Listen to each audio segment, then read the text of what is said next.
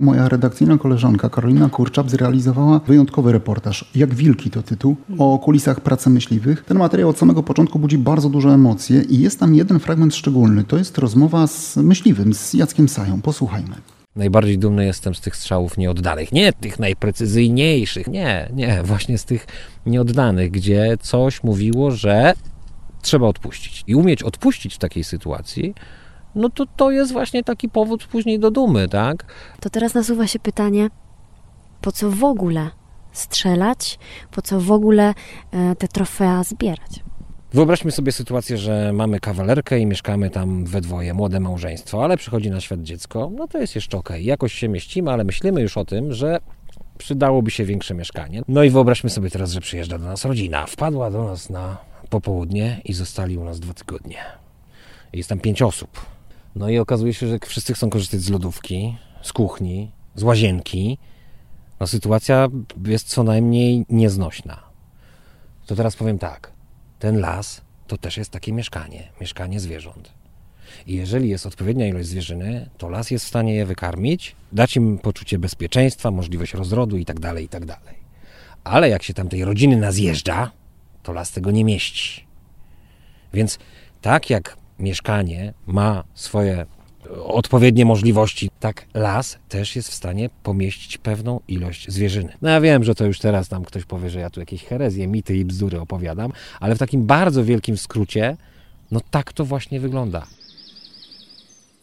Z lasu wracamy do studia. Przekonuje Panią takie porównanie? Nie do końca. Bardzo wpłynęliśmy na zaburzenie na dużych powierzchniach bardzo wielu ekosystemów. Do tego dochodzą zmiany klimatu, które jeszcze mocniejszą presję wywierają na gatunki, na szlaki migracji. Mówimy o dzikach, tak, ale mówmy także i o innych gatunkach, które się przemieszczają, dla których kurczą się powierzchnie leśne, dla których kurczą się korytarze, dla których drogi powstające, asfaltowane stają się wielką przeszkodą do przebycia.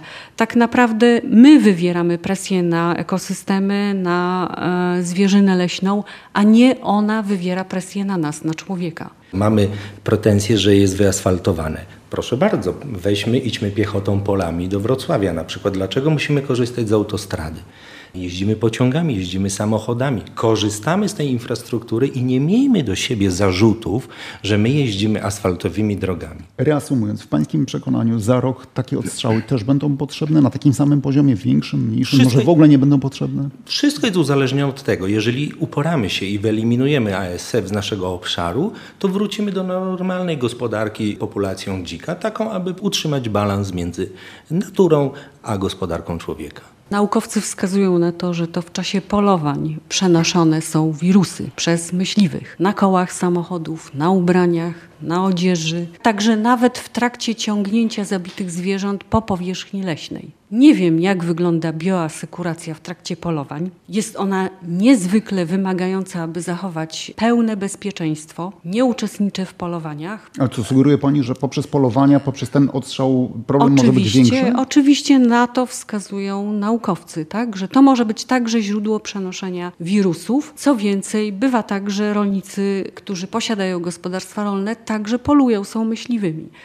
Jeśli nie będziemy zachowywać bioasekuracji w gospodarstwach rolnych, a z nią naprawdę bywa bardzo różnie, jeśli myśliwi nie będą dbali o to, żeby w trakcie polowań odkażać powierzchnię ubrania i to, z czym stykają się zabite zwierzęta, to ten asyf dalej będzie się przenosić i będzie stanowić zagrożenie dla różnych miejsc województw w Polsce. W pierwszym kwartale tego roku, czyli od kwietnia do czerwca, Polski Związek Łowiecki i koła łowieckie wydatkowały 180 tysięcy złotych właśnie na tę bioasekurację, na dezynfekcję, na szczelne w workach pakowanie tusz, pobieranie próbek, zakupywanie dwóch chłodni kosztujących jedna po 30 tysięcy złotych, badanie próbek, utrzymywanie tego, koła ponoszą potężne nasze, to nie są państwowe, nie są budżetowe, tylko nasze, kół łowieckich, wygospodarowane pieniądze, które właśnie służą tej bioasekuracji.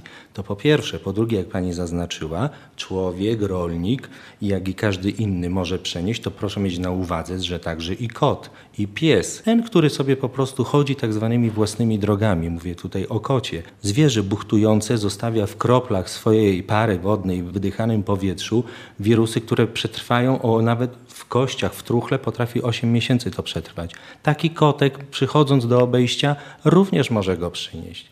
I co? Uwiążemy go. Miejmy tę świadomość, nie popadajmy ani w jedną stronę w paranoję, ani w drugą.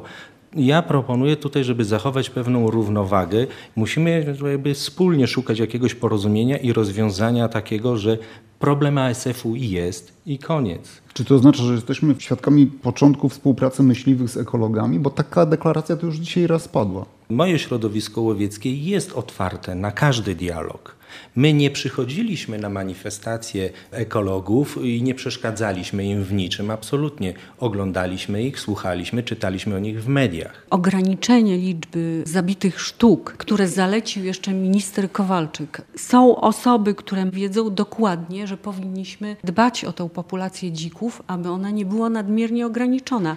Dzięki temu będzie zdrowszy las, ale także my, ludzie, będziemy normalniej funkcjonować jako część ekosystemu. Powiedziała pani Irena Krukowska-Szopa, szefowa Fundacji Ekologicznej Zielona Akcja. Dziękuję za udział w audycji. Pozdrawiam radiosłuchaczy. W Legnickim Studiu gościłem również pana Mariusza Gerbera, myśliwego, przedstawiciela Zarządu Okręgowego Polskiego Związku Łowieckiego w Legnicy. Dziękuję bardzo, miłego wieczoru. Dziękuję za wspólny wieczór z Dolnego Śląska. Andrzej Andrzejewski, do usłyszenia.